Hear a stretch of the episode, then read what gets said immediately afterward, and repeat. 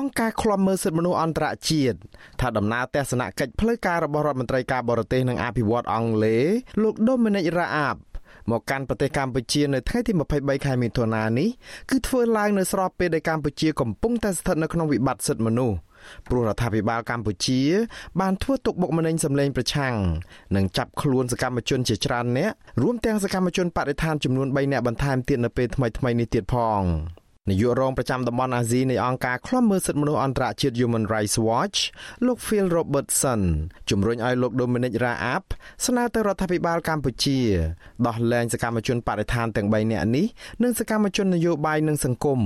ដែលជាប់ឃុំជិត80នាក់ផ្សេងទៀតជាបន្ទាន់និងដោយឥតលក្ខខណ្ឌលោក Phil Robertson ថាសកម្មភាពទាំងឡាយរបស់សកម្មជននៅក្នុងការបញ្ចេញមតិជាសាធារណៈ ប្រមូលផ្ដុំគ្នាដោយសន្តិវិធីដើម្បីទាមទារឲ្យរដ្ឋាភិបាលដោះស្រាយបញ្ហាសង្គមឬចងក្រងឯកសារអំពីការបំផ្លាញបរិស្ថាននិងធនធានធម្មជាតិនិងទាមទារឲ្យរដ្ឋាភិបាលការពារបរិស្ថានជាដើមនោះគឺមិនអាចចាត់ទុកថាជាបទអ ுக ្រិតបាននោះទេជាពិសេសជាងនេះលោក Phil Robertson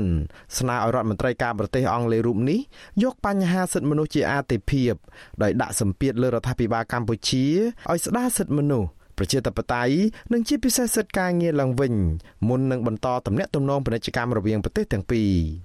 មិនតែប៉ុណ្ណោះលោកស្នើឲ្យរដ្ឋមន្ត្រីការបរទេសអង់គ្លេសរូបនេះ លៃលករកពេលវេលាដើម្បីជួបមន្ត្រីជាន់ខ្ពស់បកប្រឆាំងរួមមានលោកកម្មសខាជាដើម ដែលកំពុងប្រឈមនឹងការជាប់ពន្ធនាគារយូរឆ្នាំដោយសារតែបទចោទបែបប្រឌិតនិងគ្មានមូលដ្ឋាននិងគួរជួបតំណាងប្រព័ន្ធផ្សព្វផ្សាយឯករាជ្យនិងអ្នកកាសែតដែលអាជ្ញាធរធ្វើទុកបុកម្នេញរាល់ថ្ងៃមិនឲ្យពួកគាត់រាយការណ៍ព័ត៌មានបានដោយសេរីរដ្ឋមន្ត្រីការបរទេសអង់គ្លេសលោក Dominic Raab គ្រោងធ្វើដំណើរទស្សនកិច្ច3ថ្ងៃទៅកាន់ប្រទេសចំនួន3នៅក្នុងតំបន់អាស៊ានដោយផ្ដើមពីប្រទេសវៀតណាម បន្ទាប់មកកម្ពុជា និងបញ្ចប់ទស្សនកិច្ចនៅប្រទេសសិង្ហបុរីក្រសួងការបរទេសអង់គ្លេសបញ្ជាក់ថាដំណើរទស្សនកិច្ចរបស់រដ្ឋមន្ត្រីការបរទេសអង់គ្លេសមកកម្ពុជានេះគឺដើម្បីពង្រឹងភាពជាដៃគូរវាងអង់គ្លេសនិងសហគមន៍អាស៊ាន ដែលប្រទេសកម្ពុជានឹងធ្វើជាប្រធានបដូវវេននៅឆ្នាំក្រោយ។ នេះគឺជាលើកទី1ហើយដែលរដ្ឋមន្ត្រីការបរទេសអង់គ្លេសមកបំពេញទស្សនកិច្ចផ្លូវការនៅកម្ពុជាក្នុងរយៈពេល30ឆ្នាំនៃទំនាក់ទំនងការទូតរវាងប្រទេសអង់គ្លេសនិងកម្ពុជាក៏ប៉ុន្តែលោកនាយរដ្ឋមន្ត្រីហ៊ុនសែនសម្រេចលុបចោលជំនួបជាមួយនឹងរដ្ឋមន្ត្រីរូបនេះដោយលោកអះអាងថាគ្រូពេទ្យតម្រូវឲ្យលោកធ្វើចតាល័យសា14ថ្ងៃរហូតដល់ថ្ងៃទី3ខែកក្កដា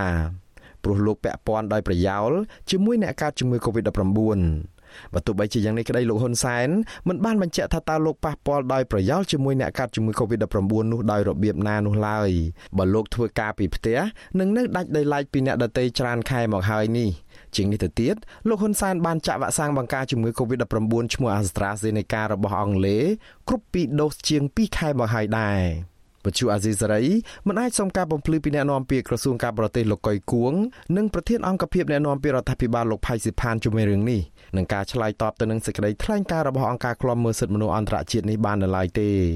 បើទោះបីជាយ៉ាងនេះក្តីក្រសួងការបរទេសកម្ពុជាថ្លែងនៅក្នុងសេចក្តីប្រកាសព័ត៌មានរបស់ខ្លួនកាលពីថ្ងៃទី21ខែមិថុនាអំពីដំណើរទស្សនកិច្ចនេះថាកម្ពុជាជាអ្នកអញ្ជើញរដ្ឋមន្ត្រីការបរទេសអង់គ្លេសដើម្បីមកប្រជុំទ្វេភាគី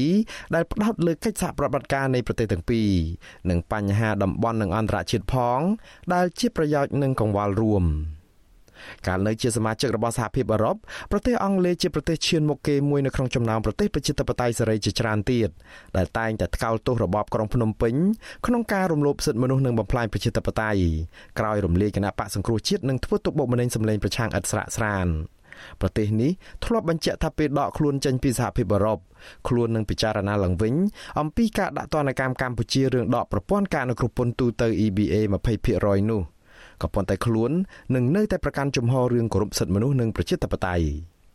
អ្នកខ្លំមើលការអភិវឌ្ឍសង្គមលោកបដិទ្ធសេងសេរីថាប្រទេសអង់គ្លេសនៅមានឥទ្ធិពលលើប្រទេសកម្ពុជាតែផ្នែកពាណិជ្ជកម្មមួយតែប៉ុណ្ណោះព្រោះប្រទេសនេះជាទីផ្សារធំមួយដែរ